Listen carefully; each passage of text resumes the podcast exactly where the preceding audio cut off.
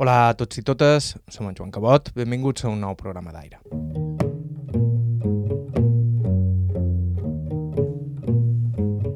La setmana passada entrevistàvem a Amparo Martín, nascuda a Càceres el 1947, un testimoni impressionant que ens va servir per retratar el món d'on provenia molta de la gent que, venguda de la península, es va instal·lar a les illes per fer feina en el turisme o la construcció.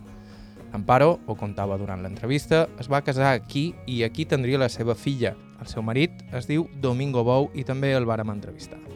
No és ni de prop tan xerrador com ella, de fet el programa d'avui és un poc més curt de l'habitual, però la biografia d'en Domingo té prou substància com perquè no l'hagin volgut desaprofitar. Parlam d'algú que després d'acabar el servei militar es va enrolar en un vaixell i va estar recorrent el món durant un bon parell d'anys, que va creuar-se amb els Beatles a una estació de Londres i que durant tres dècades va assistir com a salador al naixement d'una bona porció dels habitants de l'illa. Una biografia increïble però que ell explica com si res. Però avui li toquen en Domingo. Estau escoltant d'aire a IB3 Ràdio, us parla Joan Cabot, començam.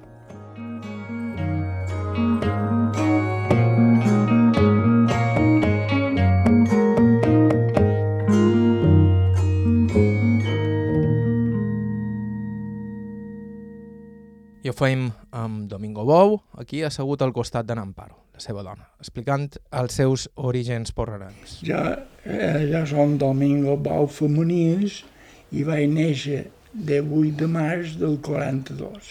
Jo vaig néixer a Palma. Eh, tots els meus germans van néixer a Porreres. Eh, mon pare era de Porreres i mon mare de Sant Llorenç. Eh, mon pare era porrerenc. Tenia, o sigui, tenia casa a Porreres i tenien una finca, i tenia una finca que se de Sonons. Jo no he estat mai, no, no ho sé, però jo, jo som els neus, com se deia antes, els petits de la família. Allò ja no m'esperaven. I ma mare era de Sant Llorenç. Eh, ma mare tenia un germà, només tenia un germà, que era, que era botellari i estava en el terreno. Era la, farmàcia femenina del terreno. I eh, en què se dedicava ton pare? Mon pare eh, de les finques.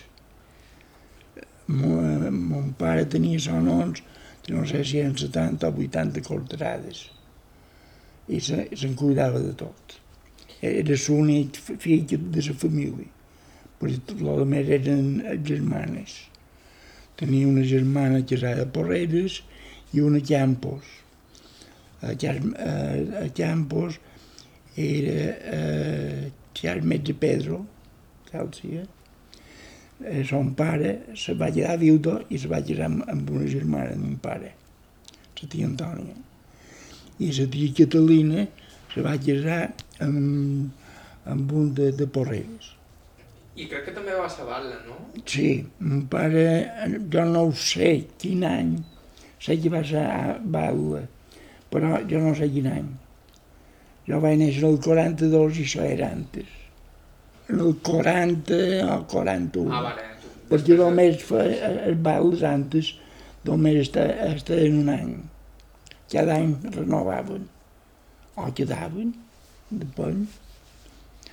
I mon pare va vendre tot lo de Porreres, el vaig vendre el 41. Com és que ho va vendre? No ho sé, no ho sé. Jo no sé si va ser per assumptes polítics, per estendre val, o no, no ho sé. Jo a mon pare no, no li vaig sentir dir mai i jo tampoc no ho vaig demanar. I quants germans éreu? Nosaltres érem cinc germans i una germana. I una altra que, que va morir també, Beleta. Eren sis, va, vàrem ser sis i, i eren cinc. I un cop va arribar a Palma, en què s'ha de dedicar ton pare? Res, un pare anava a Sant Llorenç perquè va vendre tot el borrell i, i, va, i va ajudar a, a les finques de ma mare a regular-les. Que ma mare tenia, per exemple, Sant Penya i Rosels, era una finca de, de 60, 65 o 66 colterades i mon pare eh, fa, cuidava allà. Llavors tenia, ma mare tenia un hort, a part de les toltes, les sort de les toltes i, una, i un parell de finques més. I on vivíeu aquí a Palma? Aquí a Palma, eh, quan vam venir, pues ja vaig néixer en el terreno. De Porres vam venir en, en el terreno. I estaven a davant, allotjats a la finca de, de, de Correus, a, a una, una planta baixa. A baix hi havia un forn. Però no vaig arribar a estar un any, perquè llavors mon anàrem a Vilamània, perquè mon pare i mon mare havien comprat un pis a Vilamània, el que no el tenien fet del tot, no, no estava llevat, i per això se compraren a baix, llollaren una casa en el terreno. Tio Domingo, que era farmacèutic, que és mare de ma mare, el de va dir, veniu aquí davant, que, ja, que ja esteu bé. I quan polleren se'n van anar cap a Palma. Perquè els germans estudiaven tots a Palma. De fer eh, eh, tramvia, en el tramvia anar cap a Palma i tornar. Cada dia.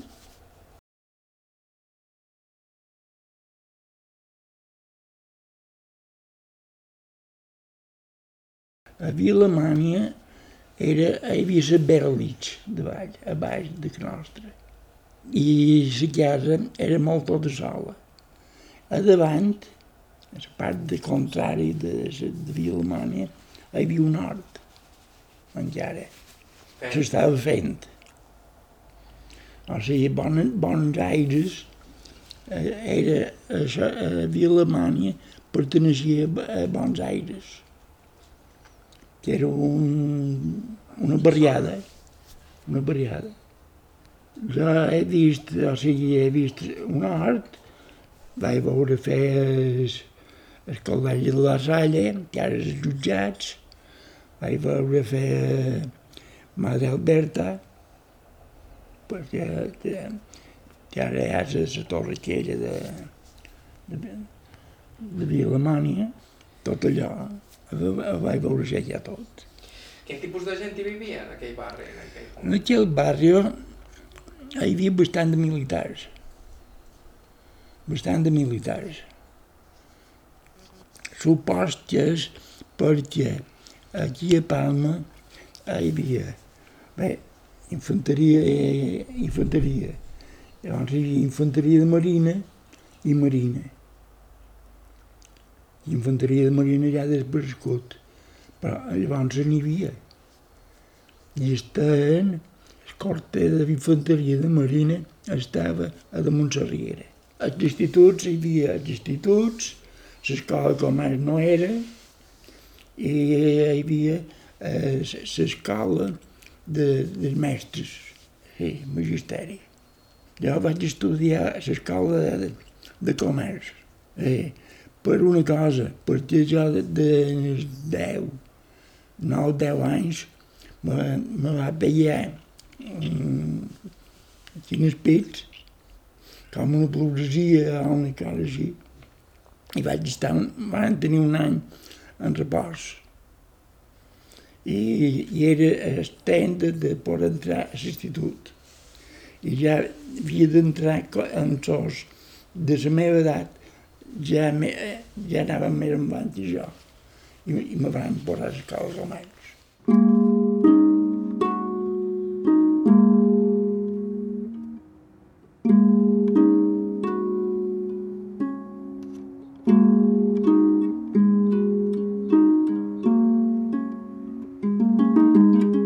que Domingo Bou va criar-se en un eixample de Palma que s'estava poblant en aquells anys, on encara hi havia solars buits i zones de terra on els nins podien jugar lliurement. A la Poli jugar, per exemple, aquí on Estubo, allà podia jugar.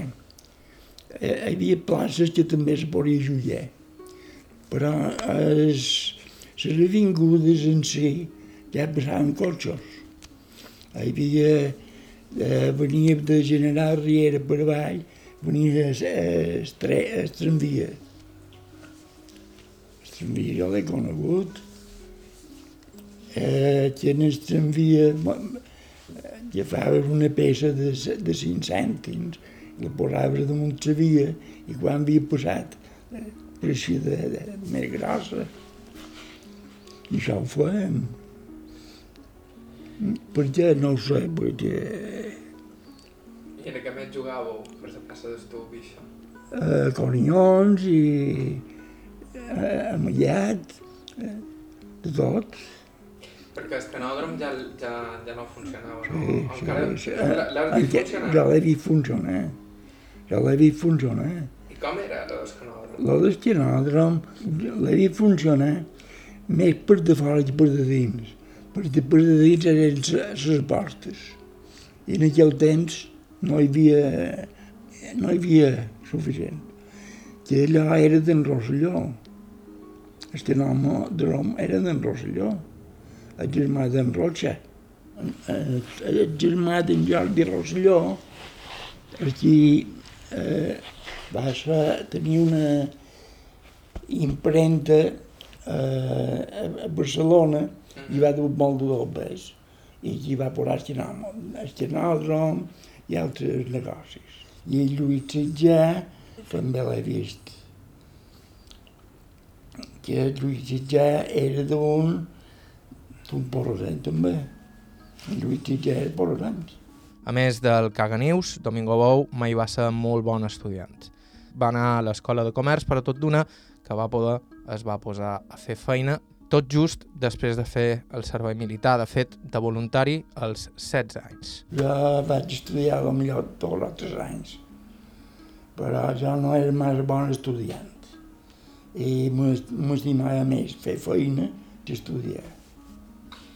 I en quina edat te vas posar a fer feina? No ho sé, perquè jo vaig fer la mili tenia en els 16 anys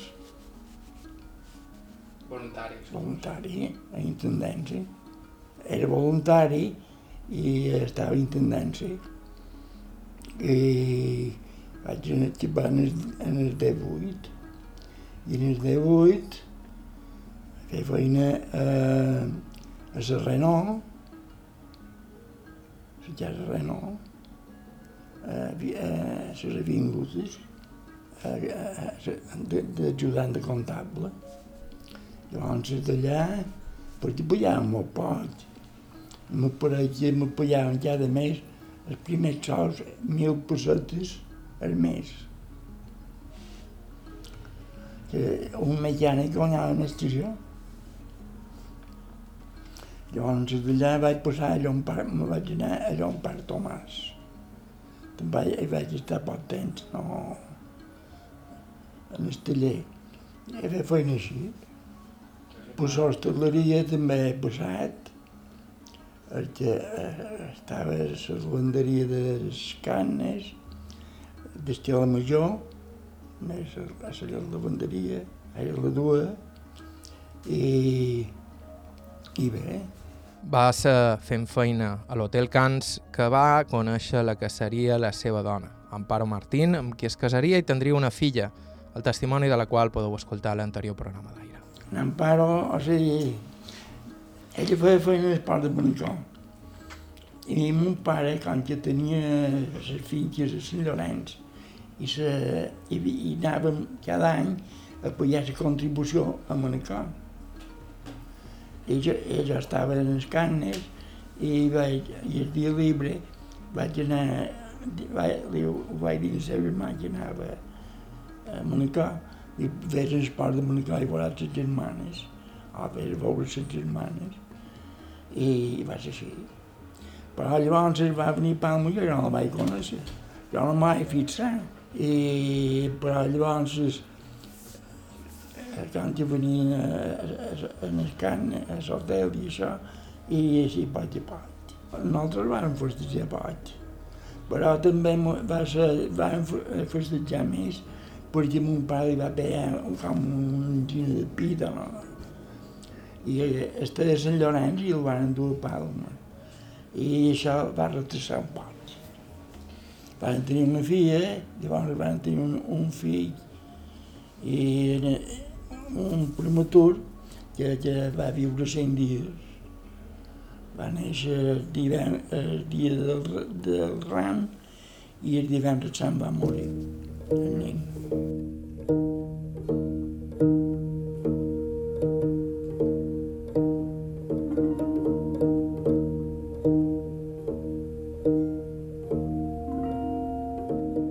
de casar-se i abans d'instal·lar-se definitivament a Mallorca, Domingo Bou va viure una petita aventura. Una aventura total, tenint en compte els temps que corrien. Es va embarcar com a mariner a un vaixell de càrrega i va viure a l'estranger durant dos anys, passant per Anglaterra, França i Holanda. Vaig, vaig anar a Londres, amb un, comp- vaig anar amb un companyero i estàvem, jo estava a Pembroke Dock, en el sud de Gales, i ell estava a Plymouth, Però i què feies per allà? mariner, mariner, mariner d'un barco. Quant temps vas estar de mariner? Un any i mig o dos, vaig estar poc temps. Uh, vaig, vaig sortir de Palma als 21 anys, portant el nom en Polina. I quin tipus de vaixell era? Eh? Un, un, un transport, llarga, llarga. La travessia de Pembroke eh, a Malta. Una vida no, no molt forta, l'únic que, que se cobrava més d'aquí. La moneda anglesa, a la la lliure esterlina, estava molt més, molt més fossulla que la, la passeta, perquè estava a 140 i pico, i valia la pena. I vas estar un any de mariner? Un any o un any i mig. Perquè llavors el companyero, el companyero el que tenia era que aquí havia conegut una holandesa i sabia mig d'això anar. I ell d'Inglaterra se'n va anar a Holanda i jo, vaig, jo ja vaig treballar a París. Vaig treballar a França. A Londres viuria una anècdota d'aquelles que pots contar tota la vida. Creuar-te a l'estació de tren ni més ni manco que amb els Beatles. Quan vaig, vaig arribar a Londres, de Pembroke, me'n vaig en el tren, d'allà a, a, a, a l'estació, vaig arribar i hi havia molta gent, molta joventut, molt jove, jovenetes i, i, i, tot, i deien els Beatles i els Beatles, tampoc no eren molt coneguts. Aquí, aquí. No, a Mallorca no hi havia tanta de- d'ells. Va ser llavors més tard que va I vas estar a Anglaterra, Mm. a, a a França... França, a Holanda, un poc per tot. A França vaig estar en el ferrocarril francès. Vaig anar a l'estació, hi havia un lletrero, hi havia un lletrero que és el ferrocarril francès, havien de molta gent. Vaig anar a l'estació del nord, a la Garda Nord, i allà me van llibrar el nom i Mm, eh, Jo estava a Creil, que estava a 60 a 70 quilòmetres de París. I eh, de vora Creil, a 3 quilòmetres, hi havia el deien Sere- Serenal, perquè era un, com un solar gros, amb una rampa amb 30 eh, vies mortes. I d'allà t'envi- t'enviaven vagons i anaves for, formant noves, noves formacions. Anaves fent, formant en trens nous. Llavors venia una màquina i els enduia. A Holanda hi vaig estar molt poc temps. Com hi va ser un mes, no va arribar. Perquè el, el, el capità que jo tenia a Inglaterra tenia, era, la dona era holandesa i venia de tant en tant. I, i per això eh, venia i per això hi va, només vaig estar molt poc temps. Sí que devies notar molt la diferència, no? D'Espanya respecte Sí. a França, Sí. Anglaterra... Sí, sí, hi havia una diferència bastant forta. Sobretot, eh, o sigui, els espanyols procuràvem anar amb els espanyols, cosa molt mal feta, perquè si jo estava a Inglaterra i m'anàvem sobre espanyol, ja no parlava anglès. I l'anglès me folia. Si volia aprendre l'anglès, havia de deixar. Perquè si volia veure, havia d'anar a un bar i veure al de Manaró. Si volia menjar una cosa altra, havia d'anar de Manaró i havia d'anar a, a de Manaró amb anglès, perquè si ho demanaven en espanyol no t'entenien. Sí, els espanyols eh, eh, tenien molt de contractes en, amb Alemanya. No sé si era perquè hi havia més feina o no sé. A Inglaterra no n'hi havia tants. I a Holanda era, una, era un país de, de pas. Era un país de, de, de pas. Quant de temps vas estar fora? Un tres anys i pico.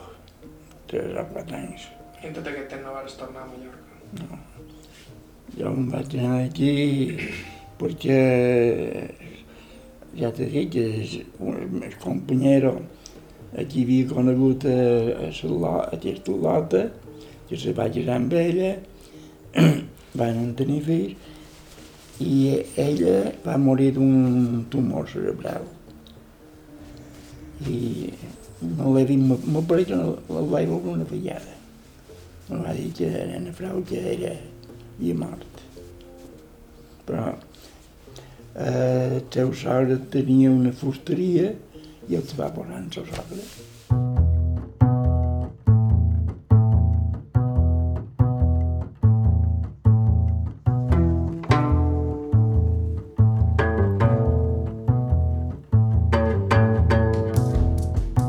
Domingo Bou va tornar a Mallorca, va conèixer en Pare Martín, qui es casaria, i va trobar una feina fixa per a tota la vida.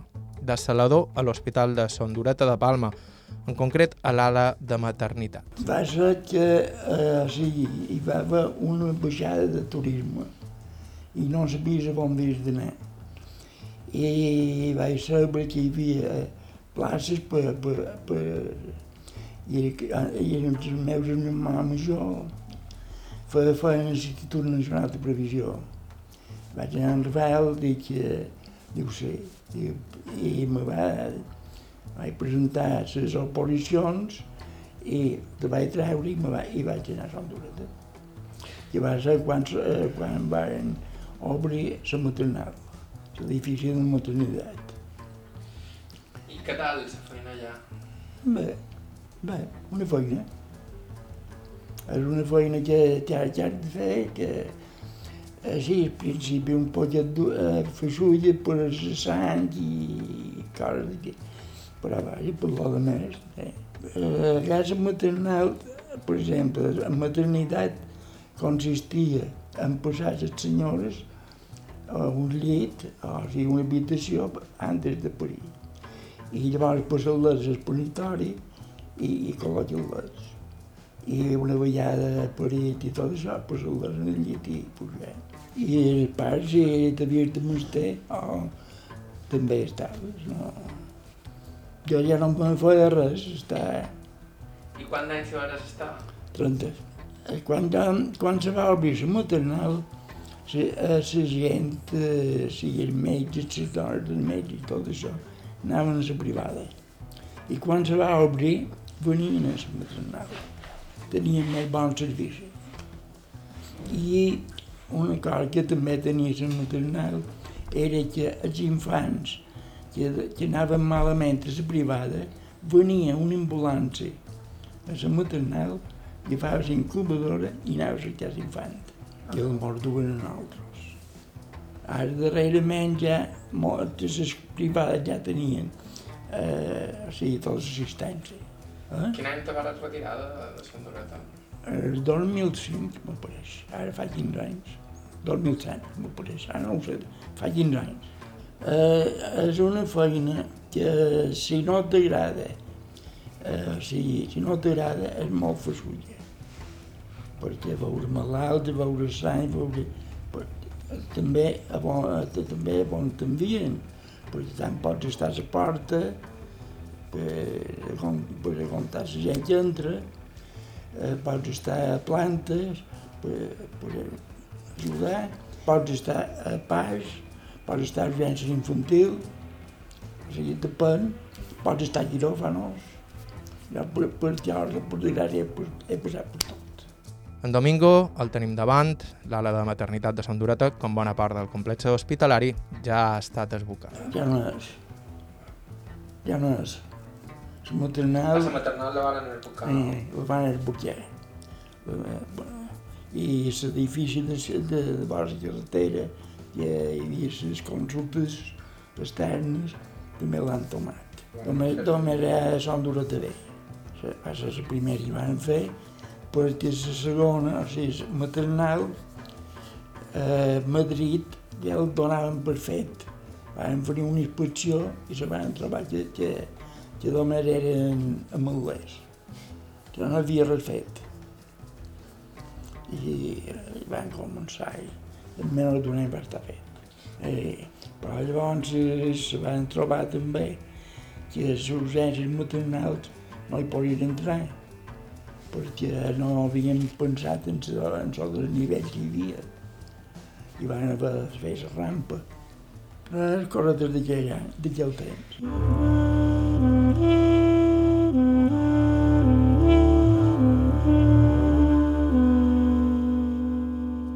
fins aquí el programa d'avui. Moltíssimes gràcies a Domingo Bou pel seu testimoni i a la seva filla Aina per l'hospitalitat. També de nou el seu net, Joan Bestart, que va ser qui ens va proposar l'entrevista. Si voleu fer el mateix, ens podeu escriure a aire.ivetresradio.com aire.ivetresradio.com Us recordant que la millor manera de no perdre's cap dels nostres programes és subscriure's via podcast a qualsevol dels agradadors disponibles i que a ivetres.org barra carta hi trobareu tot el nostre arxiu. La música que faig servir habitualment és de Joshua Abrams, Marisa Anderson, amb Jim White, Jaume Tugores, Orena Ambarchi, Johan Berflink i Andreas Ferlin i Charles Rumbach. Bàrbara Ferrer, la producció executiva, vos ha parlat. Joan Cabot, gràcies per ser a l'altre costat i fins la setmana que ve. Música